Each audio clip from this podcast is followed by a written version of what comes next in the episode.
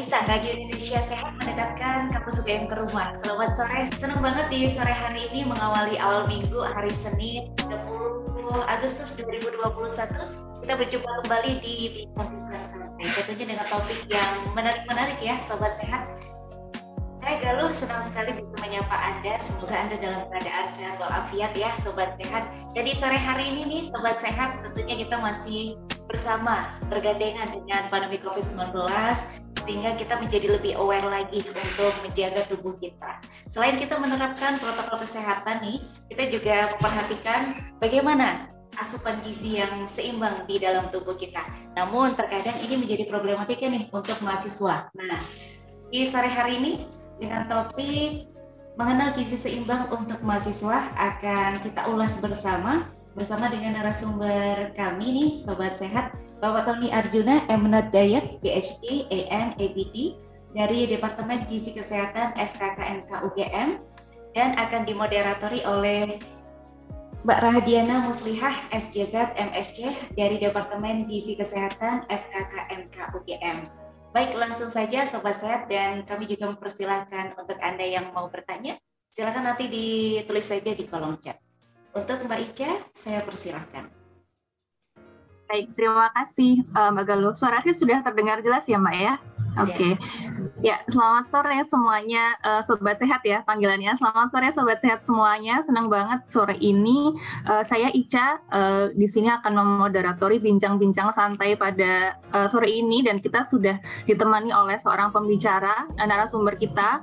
Uh, beliau teman dosen juga di Departemen Gizi Kesehatan UGM. Ada uh, Mas Tony Arjuna. Selamat sore Mas. Sore Mbak Ica. Ya, sore sehat ya Mas ya? Oke, Alhamdulillah. Oke, okay. ya ini karena uh, occasion yang santai, saya panggilnya Mas Tony nggak apa-apa ya, karena biasanya juga panggilnya gitu. Biasanya juga okay. Iya, oke, okay. uh, Mas Tani. Uh, jadi sore ini kita kan mau membahas tentang gizi seimbang uh, untuk mahasiswa gitu ya. Jadi teman-teman mahasiswa nih mungkin yang mendengarkan nanti bisa sambil menyimak atau bertanya juga. Uh, mungkin uh, kita mulai dulu ya Mas dengan uh, kalau judulnya kan gizi seimbang gitu. Kita mungkin mulai dulu dengan konsep gizi seimbang itu sendiri gitu. Jadi sebetulnya tuh yang dimaksud dengan seimbang itu seperti apa sih gitu?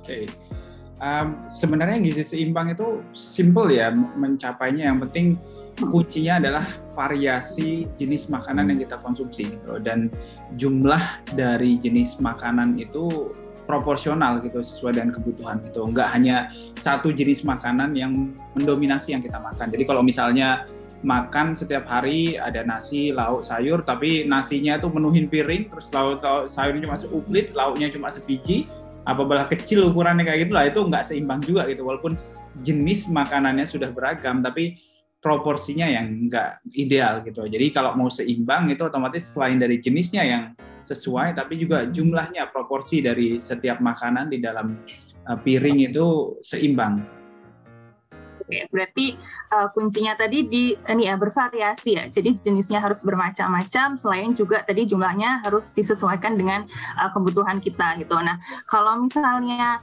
uh, secara jumlah gitu ya Mas ya, kan kita tuh mengenal nih, mungkin bisa dikenalin Mas terkait dengan apa isi piringku. Misalnya setiap makan tuh kita harus banyak apa sih makanannya gitu variasinya. Um, variasinya.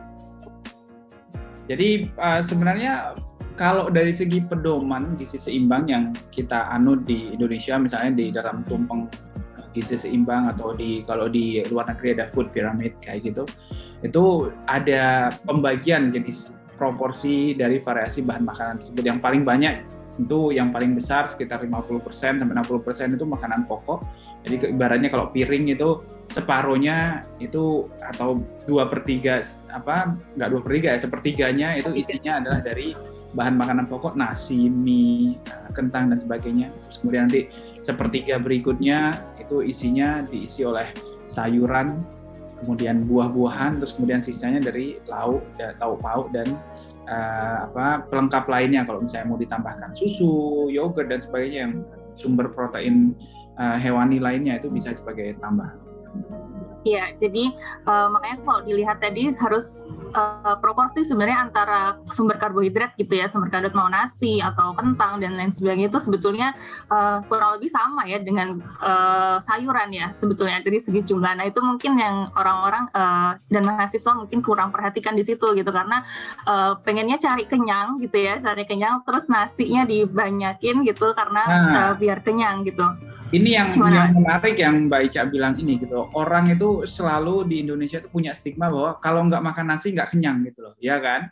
Kalau yeah. nggak makan nasi perutnya itu kayaknya makannya malah kurang gitu. Padahal sebenarnya nasi itu adalah satu jenis makanan yang proses pencernaannya relatif cepat di dalam perut kita gitu loh. Kalau makan nasi banyak ya kenyangnya cepat, tapi nanti laparnya juga cepat karena dia dicerna dalam waktu cepat, menaikkan gula darah cepat, jadi merasa kenyang. Tapi setelah itu hilangnya juga cepat justru malah yang sebenarnya membuat kenyangnya lama dan gula darahnya naik perlahan dan naik dengan sayur itu adalah buah dan sayur-sayuran gitu loh. Jadi itu yang persepsi yang salah tadi yang harusnya pokoknya kalau nasinya nggak menuhin semua piring nggak sampai muncung kayak gitu itu belum makan namanya itu yang salah kalau dibalik sekarang kebiasaannya dengan sayurnya yang menuhin piring terus kemudian nanti nasinya sebagai pelengkap itu justru malah kenyangnya jauh lebih lama jadi kalau mahasiswa mau irit justru malah kalau pergi ke restoran itu ke rumah makan minta sayurnya yang banyak sekarang gitu loh, bukan minta nasinya yang banyak. Iya, jadi uh, memang karena ini ya sebenarnya kuncinya adalah di serat ya Mas Tony ya. Jadi kandungan serat yang ada di uh, sayuran dan juga buah itu sebenarnya membuat kenyang kita lebih lama gitu. Sedangkan kalau nasi itu uh, dia cepat menaikkan tadi ya gula darah, tapi cepat habis juga nanti gitu. Jadi mungkin dalam waktu uh, mungkin satu dua jam gitu udah mulai ngerasa lapar lagi, akhirnya makan lagi gitu ya Mas. Oke. Okay. Jadi itu mungkin kita bisa meluruskan itu uh, sobat sehat semuanya. Jadi kalau misalnya makan sekarang uh, sayurnya yang dibanyakin gitu ya. Karena toh juga sebenarnya sayur tuh nggak mahal-mahal juga ya kalau misalnya kita beli uh, makan gitu ya. Jadi uh, bisa sayurnya dibanyakin mulai sekarang gitu. Oke, okay. Mas Tony tadi juga dari kes, uh, apa namanya uh, seimbang dari konsepnya tadi juga sempat ada satu yang disebutkan sesuai dengan kebutuhan. Nah, sekarang mungkin kita bicara lebih ke uh, ini ya subjeknya ya. Subjeknya kan mahasiswa nih gitu. Nah, sebenarnya kalau kebutuhan gizi untuk mahasiswa itu harusnya seperti apa sih? Apa aja gitu? Kalau dari kebutuhan mungkin kalau kita ngomong konsep kalori dan protein kemudian jumlah zat gizi itu akan membingungkan banyak orang ya. Mungkin kalau kita berdua yang ngobrol seperti biasa di gizi itu Mbak Ica dong gitu. Tapi kalau yang lain itu nanti jadi roaming gitu. Jadi simpelnya kalau kita berbicara tentang kebutuhan itu yang ideal itu dari makan tiga kali sehari itu yang berupa yang mengandung tadi ya makanan yang lengkap yang ada nasi sayur lauknya itu yang utama tiga kali sehari. Kemudian selingan itu yang antara pagi dengan siang atau siang dengan sore atau bisa setelah malam itu dua sampai tiga kali. Itu yang yang ideal yang bisa digunakan sebagai panduan gitu loh. Cuma nanti makan ini sekali lagi frekuensi lebih sering itu dari banyak penelitian sampai sekarang bahkan kita tahu dari banyak kasus yang kita temui di rumah sakit dan juga di klinik itu orang cenderung berpikirnya kalau mau diet, mau kurus itu justru makannya lebih jarang. Padahal itu yang salah gitu. Cara makan untuk memenuhi kebutuhan itu bukan dengan cara makan lebih sedikit frekuensinya, tapi makan lebih sering itu selalu hasilnya berat badan itu lebih kecil. Jadi malah dengan cara makan lebih sering frekuensinya diet itu bisa dilakukan dengan lebih mudah. Nah, terkait kebutuhan tadi juga sama, memenuhi kebutuhan itu dengan makan frekuensi yang dibagi lebih sering, membuat spasi rata-rata 3 sampai 4 jam antar waktu makan itu badan akan cenderung lebih mudah untuk beradaptasi dengan makanan yang masuk. Jadi nggak ada periode yang gula darahnya tiba-tiba naik, terus tiba-tiba turun sekali jauh sekali karena puasa panjang nggak makan atau bahkan nggak ada waktu dari pagi sampai sore baru makan pertama itu malah nggak sehat gitu. Jadi memenuhi kebutuhan itu mulainya dari frekuensi makannya yang yang diperhatikan tadi dengan simpel makan pokok tiga kali, terus makan selingan itu dua sampai tiga kali di antara waktu makan. Ya, oke. Okay. Berarti uh, waktu makan itu harus diperhatikan ya. Karena kalau misalnya kita skipping satu makan aja tuh kadang-kadang kita suka semacam balas dendam gitu ya. Terus ya, nanti di exactly. waktu makan berikutnya kita terus langsung wah tadi aku nggak makan sarapan gitu. Udah makan siangnya double. ya, kan itu dia yang saya gitu. Apalagi yeah. kalau puasa kemarin kan seperti Mbak Ica lihat gitu, kenapa orang itu puasa dan ini sudah diteliti juga di banyak tempat, hmm. misalnya di Saudi Arabia pernah dilakukan penelitian orang itu selama puasa sebenarnya berat badannya cenderung lebih banyak turun apa naik sih gitu loh. ternyata sebagian besar orang itu ya naik walaupun makannya lebih sedikit gitu frekuensinya karena setiap kali buka yeah. itu udah semua makanan yang di meja mau dimakan semua gitu loh belum lagi yang dimakan mulainya apalagi kalau tradisi Indonesia semua kan yang manis-manis kurma terus belum lagi esnya belum Wah. ditambah sirup belum ditambah susu kental manis bahwa itu numpuk semua jadi satu tempat gitu loh kalaupun ada yang berhasil turunnya itu karena makan frekuensi sedikit itu banyak ditemukan yang turun dalam sebulan itu 2-3 kilo, tapi seminggu setelah lebaran itu bisa naik sampai 5 kilo gitu. Jadi banyakkan susunya. Iya, soalnya itu juga berkait dengan ini ya, uh, occasion khusus gitu ya, kayak special occasion gitu. Jadi orang-orang terus uh, celebrating gitu, terus akhirnya uh, setelah satu bulan puasa gitu ya, terus uh, habis itu kayak kayak singa yang lapar dilepas gitu, langsung makan oh. yang banyak ya jadi uh, jadi sobat sehat semuanya itu penting untuk kita menjaga uh, waktu makan gitu ya. Jangan sampai kita skipping salah satu uh, waktu makan jam makan. Karena akibatnya nanti bisa uh, ke makan berikutnya ya terus jadi porsinya nggak karuan gitu. Oke jadi uh, kebutuhan gizi harus sesuai dengan uh, kebutuhan mahasiswa. Nah kalau kita lihat dengan kegiatan mahasiswa nih Mas Tony kira-kira ada nggak sih efeknya terhadap kebutuhan zat gizi gitu? Ya mungkin tergantung dari jenis kuliahnya juga ya dan season yang yang sedang terjadi gitu loh. Kalau mahasiswa lagi musim ujian otomatis itu kebutuhan kalori meningkat gitu untuk berpikir gitu.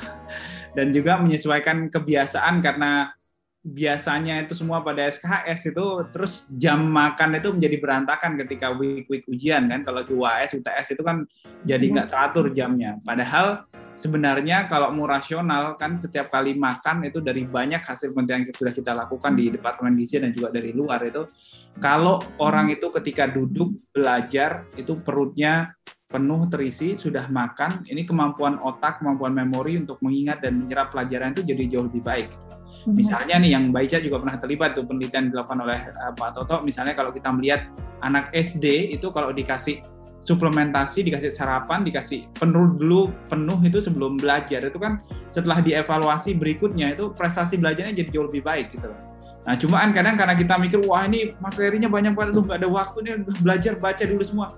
Padahal selama kelaparan itu itu juga mikir wah ini makan apa ya mau order GoFood apa malah nggak konsen gitu loh. Padahal kalau break dulu 10-15 menit untuk makan itu nanti akan jauh lebih panjang durasinya nanti untuk break berikutnya gitu. Tapi karena tadi mengatur prioritasnya yang nggak pas itu jadi akhirnya kurang sesuai gitu loh pola pola makan jadi variasi kebutuhannya juga menjadi uh, besar gitu loh ketika musim-musim tertentu terutama musim ujian itu jadi kalau mau memenuhi kebutuhan sebenarnya simple aja. Kalau yang penting kita stick to the schedule itu sesuai dengan biasa. Jadwal makan tadi diatur supaya tetap teratur. Kalau udah waktunya break break gitu loh. Kan itu penting juga untuk memberi uh, otak dan apa namanya tubuh kita waktu untuk bisa menyerap zat gizi dari makanan kan. Baru setelah itu bisa melanjutkan belajar lagi. Kalau selama ini bisa diatur frekuensinya dengan baik itu sebenarnya nggak akan ada kesulitan walaupun dia variasi apa namanya situasinya agak berbeda sedang ujian ataupun nggak ujian.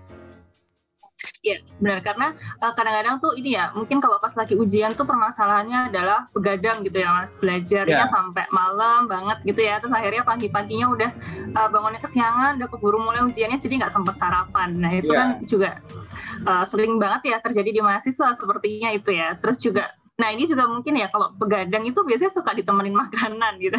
Ya. Jadi kebiasaan kebiasaan seperti itu tuh gimana tuh mas kira-kira? sebenarnya kalau itu cuma apa namanya insidental sifatnya, maksudnya musiman tiap UAS UTS kayak gitu, ya hmm. seminggu dua minggu itu nggak akan terlalu berefek banyak gitu. Kalaupun naik ya paling cuma sekilo dua kilo dari berat badan itu bertambah.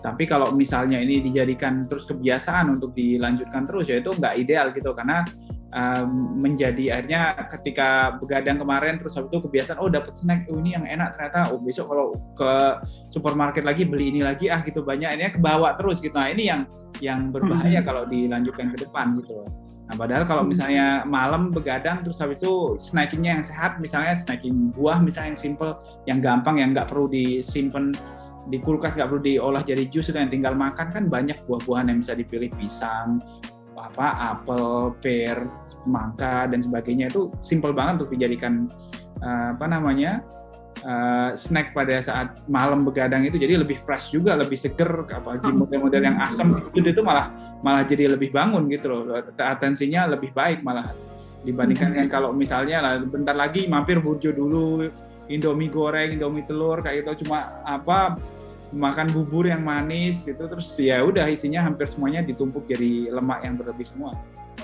Iya, berarti uh, jenis ya, jenis camilannya yang harus diperhatikan, itu harus diganti gitu ya. Uh, yang kalau misalnya biasanya mungkin cemilan yang uh, tinggi natrium misalnya ya, tinggi garam itu juga mungkin bisa diganti dengan yang uh, buah-buahan seperti itu. Oh ya, Mas Tony ini ada yang bertanya di kolom chat nih uh, dari uh, Mbak Sari nih. Selamat Oh, Mbak siang Sari. Mas Mungkin Tony. mau nanya langsung kali Mbak Sari. Oh, Oke. Oke, Ya. Oke Mas, Oh, monggo. Mas Arjuna apa kabar? Sehat Mbak. Sehat. Alhamdulillah. Yang misi penurunan berat badan terus ya. Ya, yang nggak berhasil berhasil nih gimana Mas Arjuna? Ya. Saya kayaknya tidak pernah berhasil ini. Saya coba nanya, saya sudah mencoba mengganti nasi merah, eh nasi putih menjadi nasi merah. Tapi sepertinya saya coba kok berat badan tuh nggak turun-turun ya Mas ya. Padahal juga porsinya juga nggak nggak banyak ya. Maksudnya sedikit gitu loh. Maksudnya setiap saya makan gitu tuh gimana Mas Mas Arjuna ya?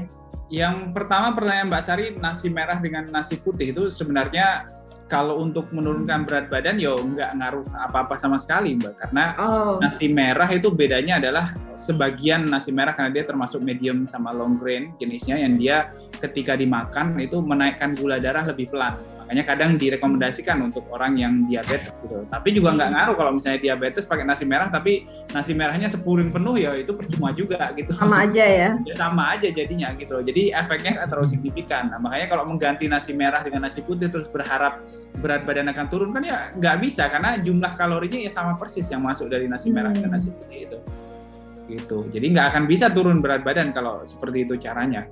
Makanya untuk merangsang supaya terjadi proses penurunan itu nggak hanya sekedar mengganti sebenarnya, Mengganti. tapi ada periode tertentu itu makanan yang mengandung karbohidrat sederhana tinggi yang cepat menaikkan gula darah seperti nasi-nasian itu nasi merah, nasi putih, mau nasi kuning, nasi hijau itu kentang semua sekarang yang karbohidrat tinggi itu harus dibatasi dulu sementara. Hmm. Baru setelah itu dia akan memacu tubuh kita untuk membakar Hmm. lemaknya perlahan.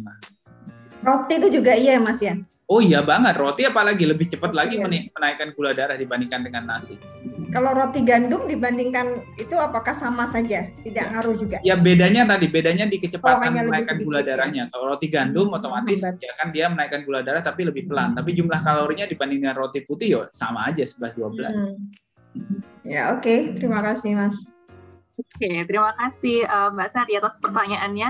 Eh, nah, tadi ini ada pertanyaan lagi nih Mas Tony. Tadi kan terkait dengan menurunkan berat badan. Nah, sekarang ini Ya. ada yang kebalikan yang ditanya. Kalau misalnya tujuannya mau nambah berat badan ke ber- berat badan ideal gitu, apakah ada target penambahan berat badan yang disarankan dalam periode tertentu gitu? Kalau nurunin kan ada ya Mas, misalnya satu minggu tuh setengah kilo mungkin ya sekitar setengah kilo. Nah, kalau misalnya menambah itu ada nggak sih target idealnya gitu?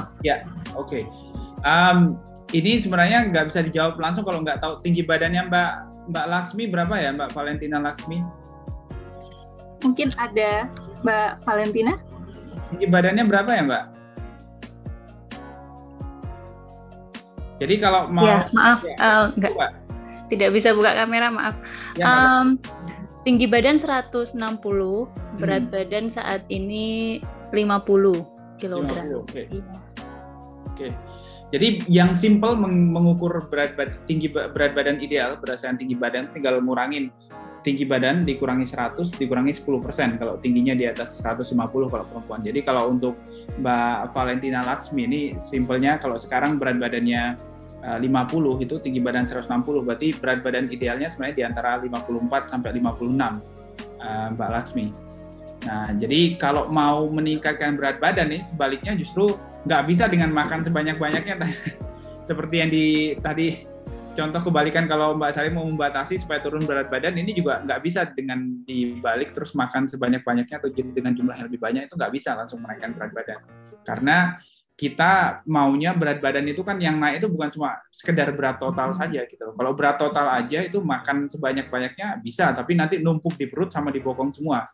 Ya kan? Kan bukan seperti itu yang dipengenin gitu loh. Kan yang dipengenin secara proporsional berat badannya naik. Nah kalau mau seperti itu jadi yang harus dilakukan justru mulai sekarang mencoba mencari olahraga yang jenis weight bearing exercise. Jadi yang olahraga yang dia mem membebani ototnya supaya nanti otot-otot yang sekarang sel ototnya itu apa mengalami kerusakan dan diganti dengan ukuran yang lebih besar. Jadi otomatis akan naik berat badannya. Nah, ini yang yang sehat yang kita inginkan. Jadi berat badannya naik, tapi yang naik itu adalah massa otot, bukan massa lemak.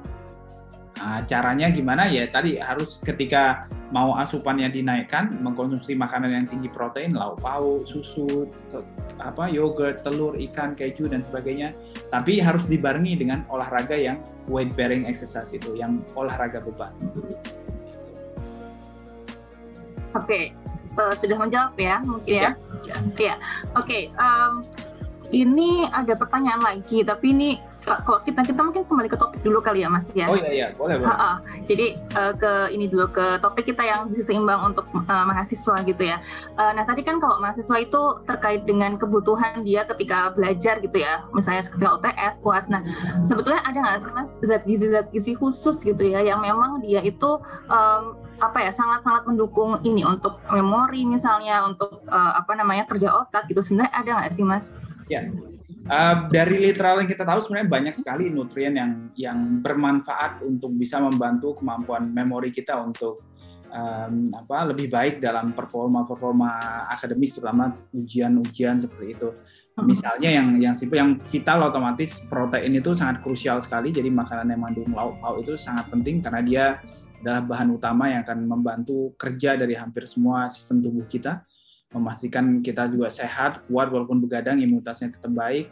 Kemudian yang berikutnya yang banyak diteliti sampai sekarang yang kita tahu itu adalah zat besi karena dia penting sekali untuk membantu memastikan oksigenasi otak dan organ-organ lainnya itu cukup.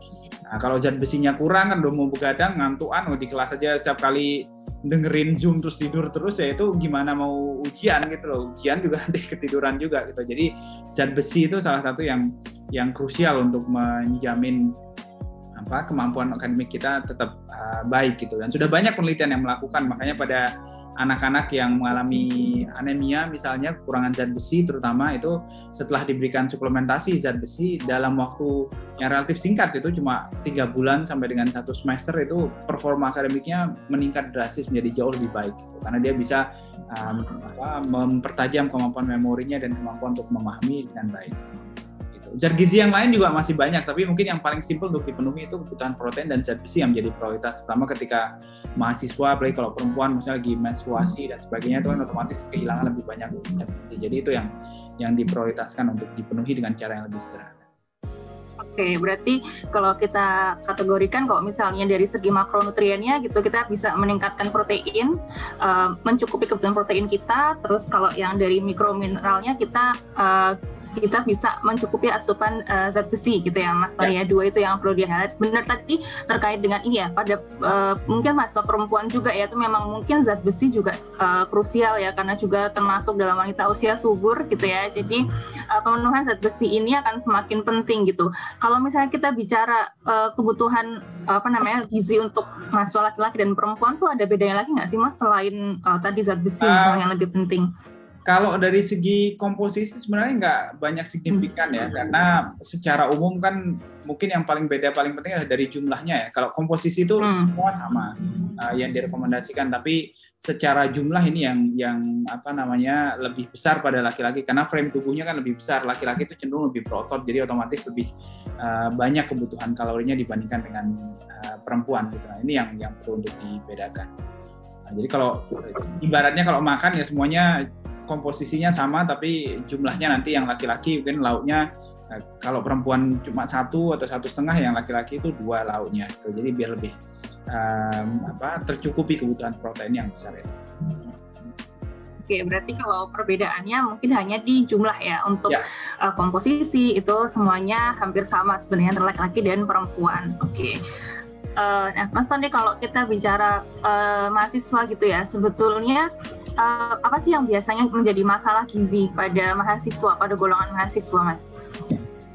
Um, kalau melihat tadi nyambung juga ya dengan pertanyaan sebelumnya terkait dengan bagaimana memilih makanan supaya membantu uh, kemampuan uh, akademik untuk bisa mendukung uh, kemampuan kita dalam apa performa akademik itu ini juga sebenarnya uh, apa jawaban dari pertanyaan Mbak Ica terkait dengan kebiasaan mahasiswa. Jadi banyak kebiasaan yang dilakukan itu yang secara tidak sadar kita lakukan itu justru malah memperburuk kinerja uh, sistem um, apa uh, otak kita gitu loh. Dan malah memperburuk memori juga. Dan dari banyak studi kebiasaan makan yang dianut seperti ini itu membuat orang menjadi jauh lebih apa mudah lupa. Kemudian kesehatan mental juga menjadi terganggu gitu. Nah, ini contohnya misalnya yang makan yang cenderung memilih sesuatu yang praktis yang package food yang paling sering ya otomatis ya hampir setiap hari ada yang makannya selama seminggu itu mie rebus, mie goreng, mie soto, terus pakai sampai hafal semua rasa itu juga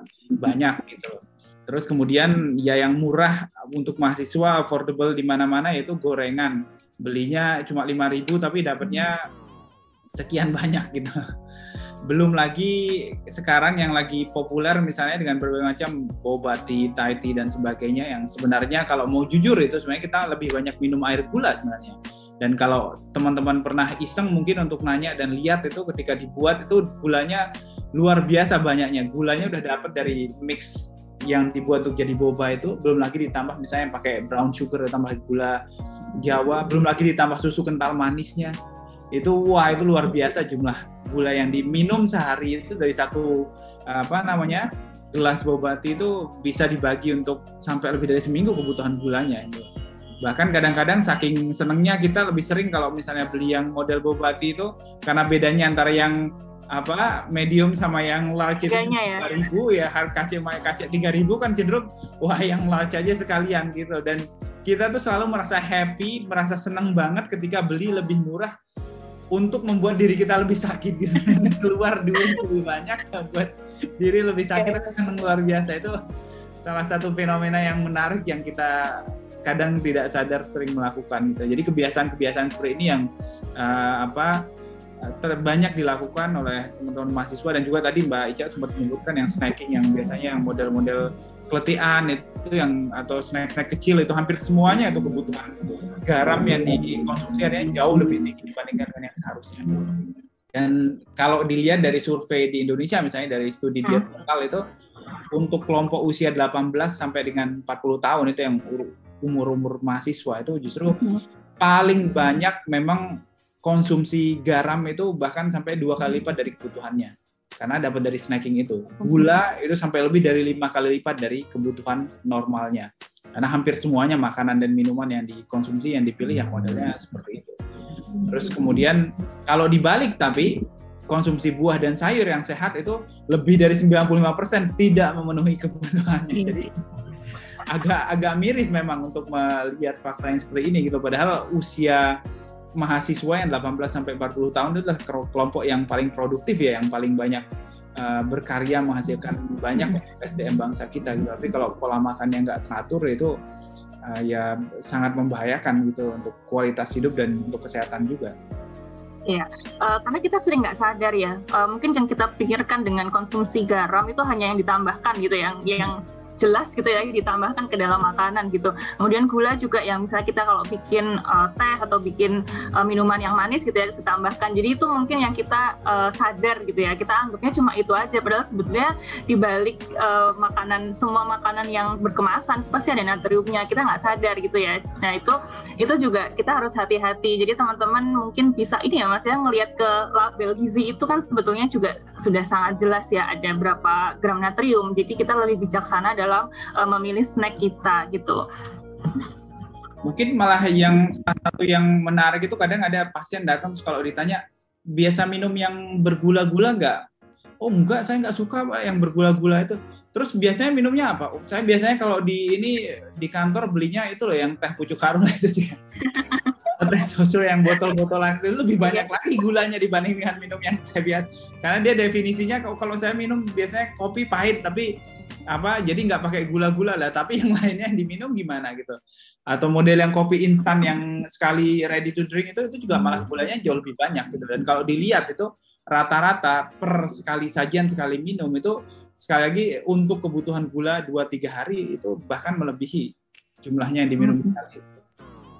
Oh ya, tadi menarik Mas Tony sebut tentang kopi nih. Nah, kadang-kadang kan kalau mahasiswa tuh merasa kopi itu kan memang kopi itu ada manfaatnya ya Mas ya. Beberapa penelitian menunjukkan bahwa ada manfaat kopi terhadap memori gitu ya. Kemudian uh, intinya uh, kapasitas otak kita gitu ya. Ada um, ada penelitian-penelitian yang menyebutkan seperti itu. Uh, tapi tadi itu ya kalau misalnya kita beli kopi di luar gitu kadang-kadang penambahan macam-macam itu banyak gitu ya Mas ya. Yang yang bermasalah itu adalah tambahannya sebenarnya bukan kopinya. Kalau kopi misalnya kayak kopi bubuk itu dari banyak studi yang sudah dilakukan seperti Mbak Jack sebutkan itu malah apa baik untuk kesehatan sistem kardiovaskuler kita gitu karena dia ada efek dari kafeinnya sebagai pemicu saraf simpatis untuk membuat jantung itu dan frekuensi denyut jantung dan kecepatan aliran darah itu menjadi lebih cepat gitu loh. Jadi um, apa membantu tetap menjaga supaya fungsinya tetap baik gitu loh. Tapi masalahnya masuknya itu dengan apa itu yang menjadi pertanyaan berikutnya. Iya, jadi uh, apa namanya kalau kopinya sih sebenarnya nggak masalah gitu ya, cuman penambahannya itu harus uh, harus hati-hati gitu. Apalagi kalau misalnya mahasiswa gitu ya, mungkin memang ketika ngajakin tugas atau dengerin kuliah gitu ya, kalau misalnya nggak pakai kopi tuh kayak kadang uh, nggak melek gitu ya. Tapi Ya. hati-hati sama penambahannya Ya. Gitu. Itu yang yang sebenarnya penting untuk teman-teman mahasiswa ingat gitu loh, karena di dalam kopi terutama yang instan itu apa pun mereknya hampir semua apalagi tambah creamer dan sebagainya itu Hmm. ada banyak sekali bahan-bahan yang itu kalau dikonsumsi dalam jangka panjang otomatis meningkatkan resiko terjadinya penyakit kardiovaskuler seperti stroke, serangan jantung itu karena sebagian besar itu yang menjadi creamer. Baik, baik itu hewani maupun nabati creamernya itu baik creamer nabati yang yang banyak itu sering banyak yang bilang kalau saya creamernya nabati nggak ngaruh. Itu akhirnya menjadi prekursor untuk pembentukan uh, kolesterol jahat di dalam tubuh kita gitu. Jadi um, itu yang belajar untuk mulai dibatasi. Kalau mau minum kopi maksudnya belajar untuk minum kopi pahit langsung ya nggak bisa gitu. Tapi bertahap diturunkan uh, tingkat kemanisannya. Misalnya kalau terbiasa dengan apa kopi yang dipakai dua sendok gula kopi pahit ya nanti dalam dua minggu tiga minggu empat minggu itu digunakan jadi satu sendok. Setelah terbiasa kurangin lagi gitu. atau di mix dengan yang sehat nggak pakai gula tapi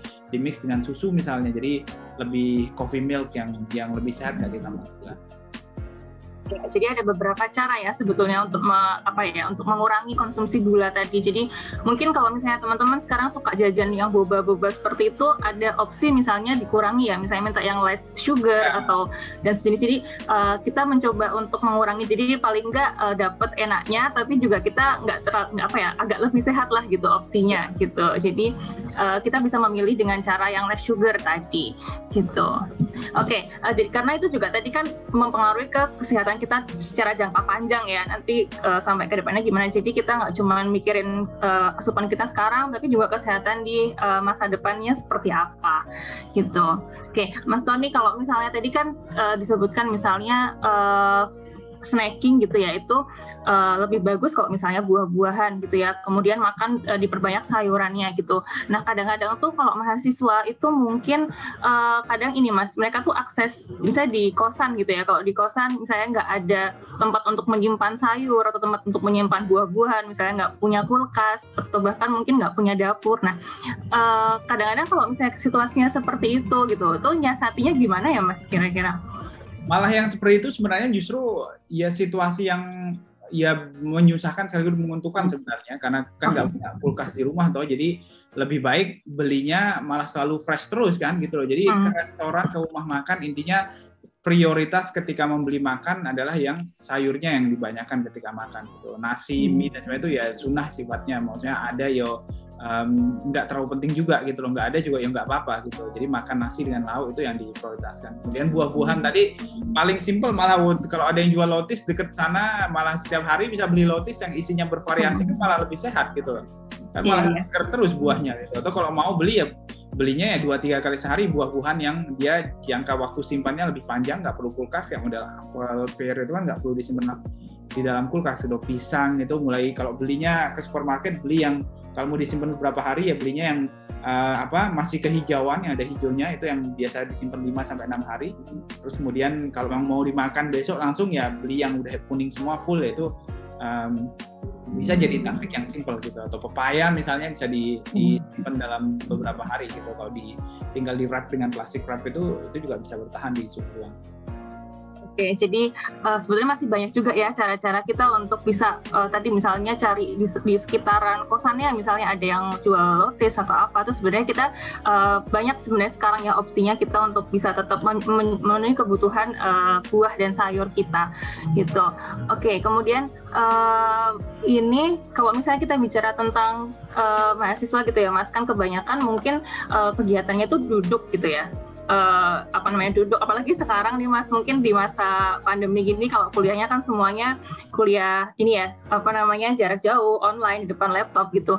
Uh, sebetulnya itu ada dampaknya nggak sih mas? Apakah mungkin udah ada penelitian gitu mas yang selama covid ini yang menunjukkan tentang perubahan ini ya perubahan aktivitas uh, mahasiswa terhadap status gizinya mungkin?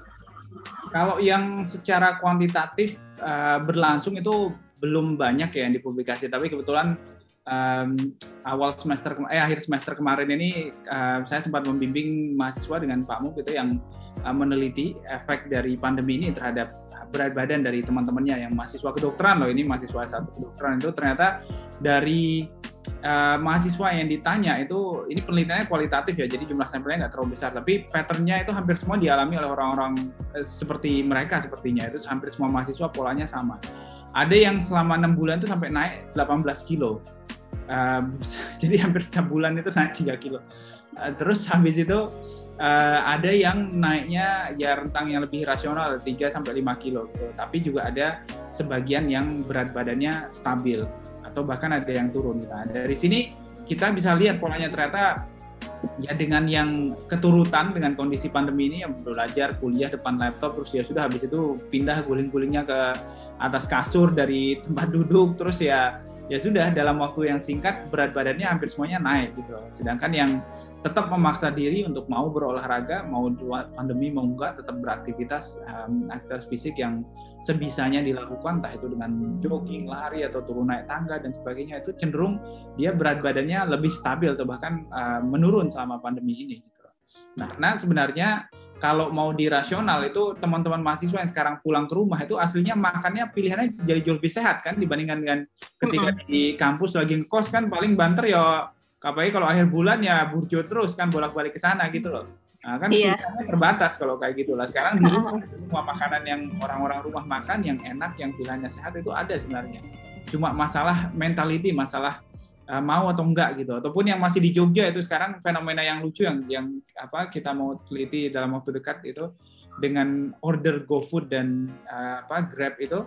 Orang-orang hmm. kalau mau order yang simple ya dua makanan satunya rujak lotis tadi terus habis itu satunya model kayak takoyaki atau taichan dengan hasil yang harga yang sama itu kalau di ordernya lotis harganya sepuluh ribu terus ongkirnya lima ribu itu berat banget mengeluarkan untuk ini tapi kalau buat takoyakinya harganya sampai 20 ribuan nah, itu just in a heartbeat itu langsung langsung di order gitu loh padahal di antara dua ini udah jelas mana yang lebih sehat dan lebih baik iya. gitu. Jadi kita tuh cenderung kalau makanan yang sehat itu pertimbangannya terlalu banyak mikirnya. Wah ini keluarinnya duitnya sayang nih buat sekitar banyak. Tapi kalau untuk makanan yang enak belum tentu sehat itu nggak nggak pakai mikir langsung dibeli gitu. Iya, jadi uh, apa sih sebenarnya GoFood itu ada ada positifnya dan negatifnya juga ya. Kadang-kadang kalau misalnya kita di GoFood sebenarnya kita memudahkan kita untuk uh, apa namanya dapat makan ya akses terhadap makanan tuh sebenarnya uh, jadi terbantu banget dengan adanya GoFood gitu ya. Tapi kalau misalnya kita nggak bijak, tadi ya kita nggak ada kemauan untuk memilih makanan yang lebih bijaksana gitu ya. Uh, akhirnya kita order uh, makan-makanan yang cenderung tidak uh, kurang sehat gitu ya secara secara gizi gitu. Nah itu uh, silakan kalau misalnya teman-teman mahasiswa di sini mau uh, order makanan mungkin bisa lebih bijaksana dalam pemilihan makanannya apa gitu. Kemudian kalau tadi aktivitas fisik mas, kalau misalnya di depan laptop terus gitu ya, kira-kira uh, apa ya aktivitas fisik simple yang mungkin bisa dilakukan mahasiswa gitu untuk uh, paling nggak membakar sedikit kalori karena kalau kalau biasanya kalau kuliah di kampus gitu adalah perjalanan dari kos atau dari rumah ke kampus yang bisa membakar kalori gitu ya. Tapi kalau sekarang uh, apa namanya mau berangkat kuliah aja tinggal bangun terus habis itu buka buka laptop tinggal nyalain Zoom gitu ya. Kira-kira ada apa tips gitu mas saya untuk olahraga sedikit-sedikit gitu? Yang paling simpel sebenarnya olahraga yang bisa dilakukan di rumah itu yang kayak misalnya setiap kali jam kelas atau break antar kelas misalnya push up itu paling efektif misalnya untuk tadi yang pengen naik berat badan itu um, Mbak siapa deh Mbak Valentina tadi itu kalau mau berat badan itu simple dengan dengan cara seperti itu setiap kali habis break kuliah misalnya push up 10 nanti habis itu kuliah berikutnya selesai 10 lagi gitu dalam sehari bisa 30 sampai 50 push up itu udah lumayan banget tuh untuk merangsang pertumbuhan uh, sel-sel otot gitu loh. Terus kalau yang ya simple dengan seperti iklan itu sekarang yang chair stand test yang biasa kita lakukan pada lansia itu juga lumayan untuk melatih yang lebih muda gitu supaya otot kaki dari paha ke bawah itu bisa semakin aktif juga gitu tinggal dilipat tangan terus duduk berdiri duduk berdiri itu um, dalam setengah menit itu juga bisa untuk membantu mengaktifkan sel-sel um, otot kita yang ekstremitas bawah. Jadi ada banyak sebenarnya, tergantung mau apa enggak sebenarnya, bukan masalah jenis pilihan. Yeah, yeah. benar-benar niat itu, oh, tinggal habis kuliah terus nyolok pindah eh, channel YouTube cari yang isinya apa namanya home exercise yang yoga lah yang apa namanya senam aerobik dan sebagainya itu bisa semua. Jadi bukan masalah pilihannya sebenarnya tapi masalah mau apa enggak yang lebih apa penting jadi pertanyaan untuk teman-teman mahasiswa. Iya, jadi sebetulnya uh, olahraga-olahraga yang ringan dan simpel tuh banyak banget yang bisa dilakukan gitu ya. Uh, mungkin kalau kita kalau misalnya pedomannya gitu, mungkin uh, dari Kemenkes sebenarnya ada pedomannya ya. Jadi uh, sehari itu sekitar 20 sampai 30 menit uh, beraktivitas fisik dan itu sebetulnya nggak harus yang olahraga yang uh, pakai harus pakai baju olahraga beneran kemudian di lapangan gitu sebenarnya enggak. Mungkin uh, kita ngepel gitu ya, ngepel rumah atau mengerjakan aktivitas-aktivitas di rumah bersih-bersih itu sebetulnya juga uh, bisa membantu kita membakar uh, kalori. Jadi meskipun uh, selama COVID ini di rumah aja, tapi sebetulnya ada banyak opsi juga untuk membakar uh, kalori gitu. Kemudian ini tadi uh, mungkin kita nyambung ke pertanyaan ya Mas Tony ya. Tadi kalau misalnya sekarang ketika uh, apa namanya kita uh, pandemi ini kecenderungannya naik berat badan gitu ya. Kemudian uh, kita mau menurunkan berat badan kan sebenarnya banyak sekali ya Mas teori diet-diet yang uh, apa ya mungkin ada yang kontroversial gitu ya tapi mungkin ada juga yang uh, it works for some people gitu ya. Nah ini ada pertanyaan dari Mbak Zakia gitu tentang intermittent fasting gitu. Nah intermittent fasting itu sebenarnya baik atau tidak sih mas untuk dilakukan gitu?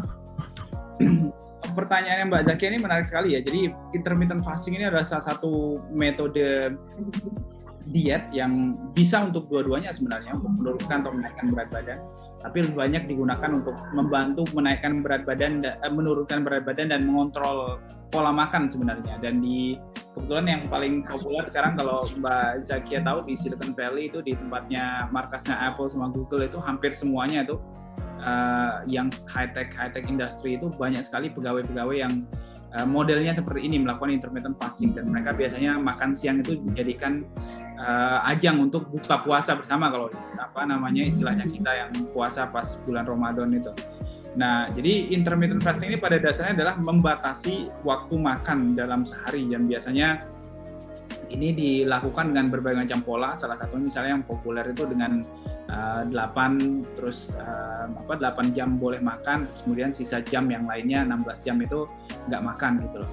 Nah, mau dibandingkan dengan ini atau dengan model diet yang dengan minum milkshake atau dengan model yang lain, sebenarnya hampir sama semua prinsipnya. Itu intinya adalah membatasi jumlah kalori yang masuk. Gitu. Jadi kan kalau orang bayangin kalau kita sama seperti ketika puasa, seandainya puasa itu lebih pendek lagi jam waktu makannya itu orang akan jauh lebih sedikit jumlah makannya. Dan waktunya apalagi nggak ideal untuk makan. Kan nggak mungkin orang dikasih waktu makan 6 jam itu terus sebanyak-banyaknya akan dimakan dalam 6 jam itu juga nggak memungkinkan. Atau 8 jam itu juga susah gitu loh. Karena butuh jeda antara waktu makan satu dengan makan berikutnya supaya perut benar-benar kosong terus baru bisa menimbulkan rasa lapar lagi. Jadi intinya pada pada dasarnya itu intermittent fasting itu membatasi jumlah kalori yang bisa dimakan dalam sehari. Nah, pertanyaannya baik atau enggak itu tergantung dari bagaimana caranya dan pilihan makan yang dilakukan dalam intermittent fasting itu.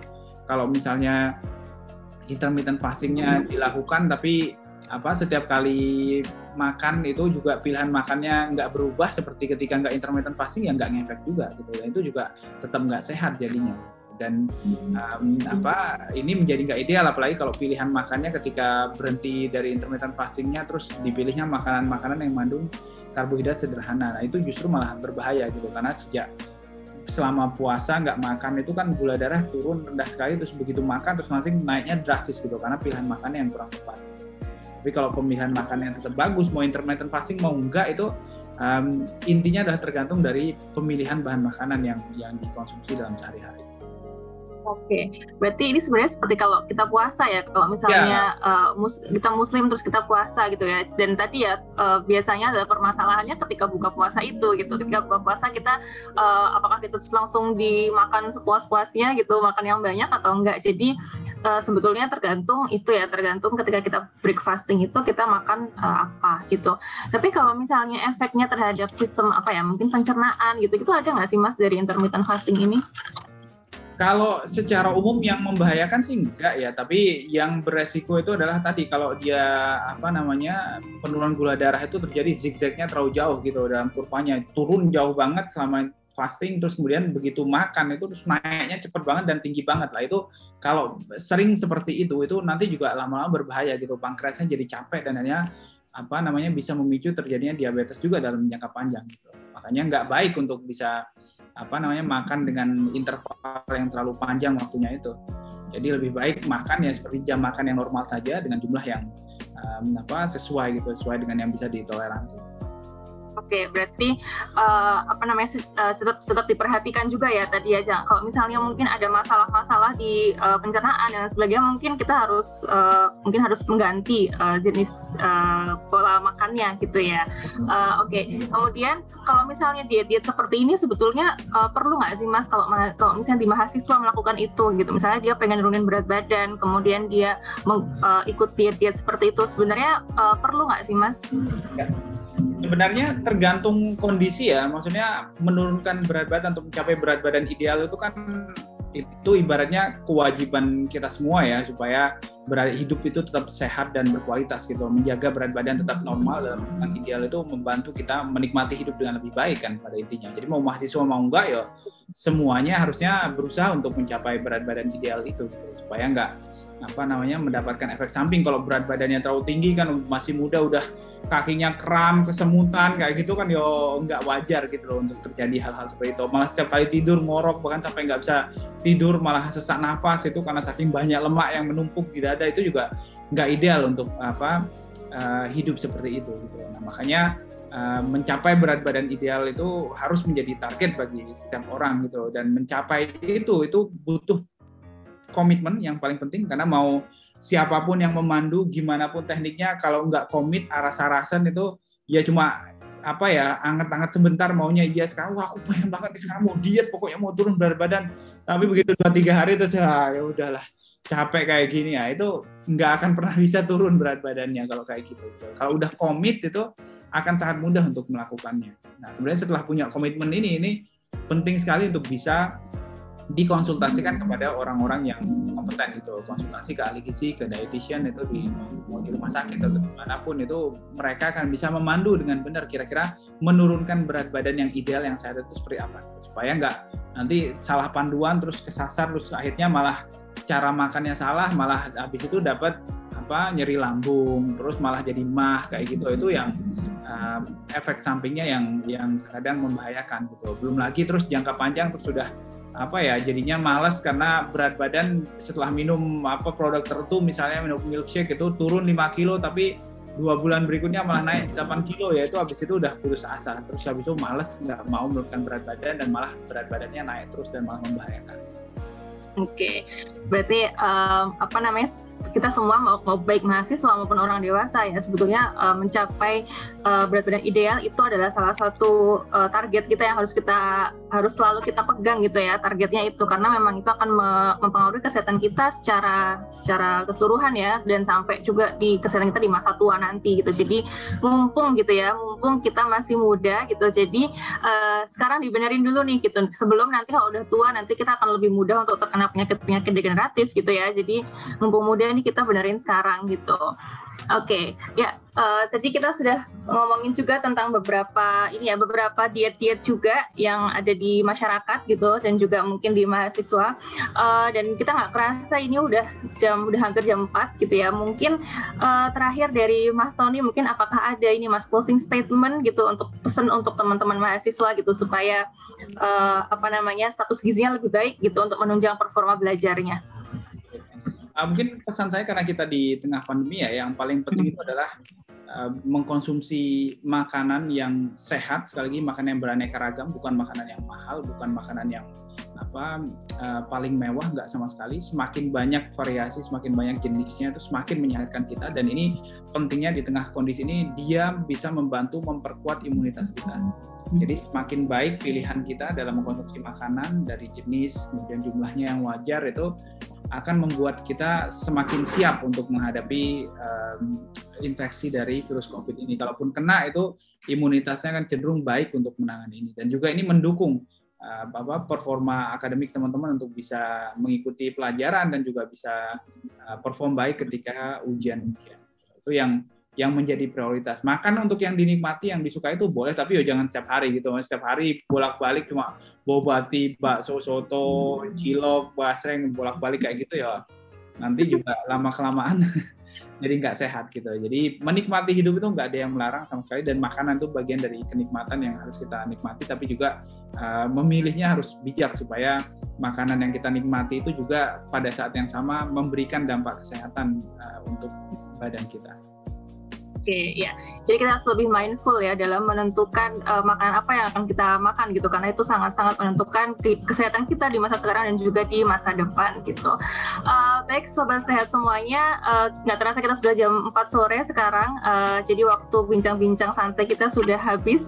Uh, semoga tadi bermanfaat apa yang dibagikan oleh uh, Mas Tony ya. Semoga bisa juga langsung dipraktekkan mungkin gitu setelah ini uh, dikuatkan tekadnya, komitmennya untuk mulai hidup sehat gitu. Baik, uh, dari saya sebagai moderator mengucapkan terima kasih uh, dan mohon maaf kalau selama memandu bincang-bincang santai ini ada salah.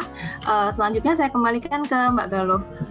Terima kasih banyak Mbak Ica dan juga terima kasih banyak Pak Tony atas insight-nya banyak sekali yang bisa kita dapatkan ya Sobat Sehat tentunya banyak sekali catatan yang kita tulis dan kira-kira uh, nanti implementasinya seperti apa dan yang paling penting adalah memupuk kemauan ya komitmen untuk selalu hidup sehat. Baik, semoga bermanfaat Sobat Sehat. Saya turkan terima kasih banyak sekali lagi untuk Pak Tony sudah berbagi dan juga Mbak Ica sudah bersedia untuk memoderatori di sore hari ini. Saya selalu Pak Tony dan juga Mbak Ica. Salam untuk keluarga di rumah. Dan Sobat Sehat, demikian bincang-bincang santai di edisi sore hari ini dan Anda tetap bisa mendengarkan bincang-bincang santai edisi-edisi sebelumnya di Spotify-nya Raisa Radio yaitu Raisa Radio Indonesia Sehat. Saya Nigaluk beserta kru yang bertugas pamit undur diri. Mohon maaf apabila ada kesalahan kata. Wassalamualaikum warahmatullahi wabarakatuh.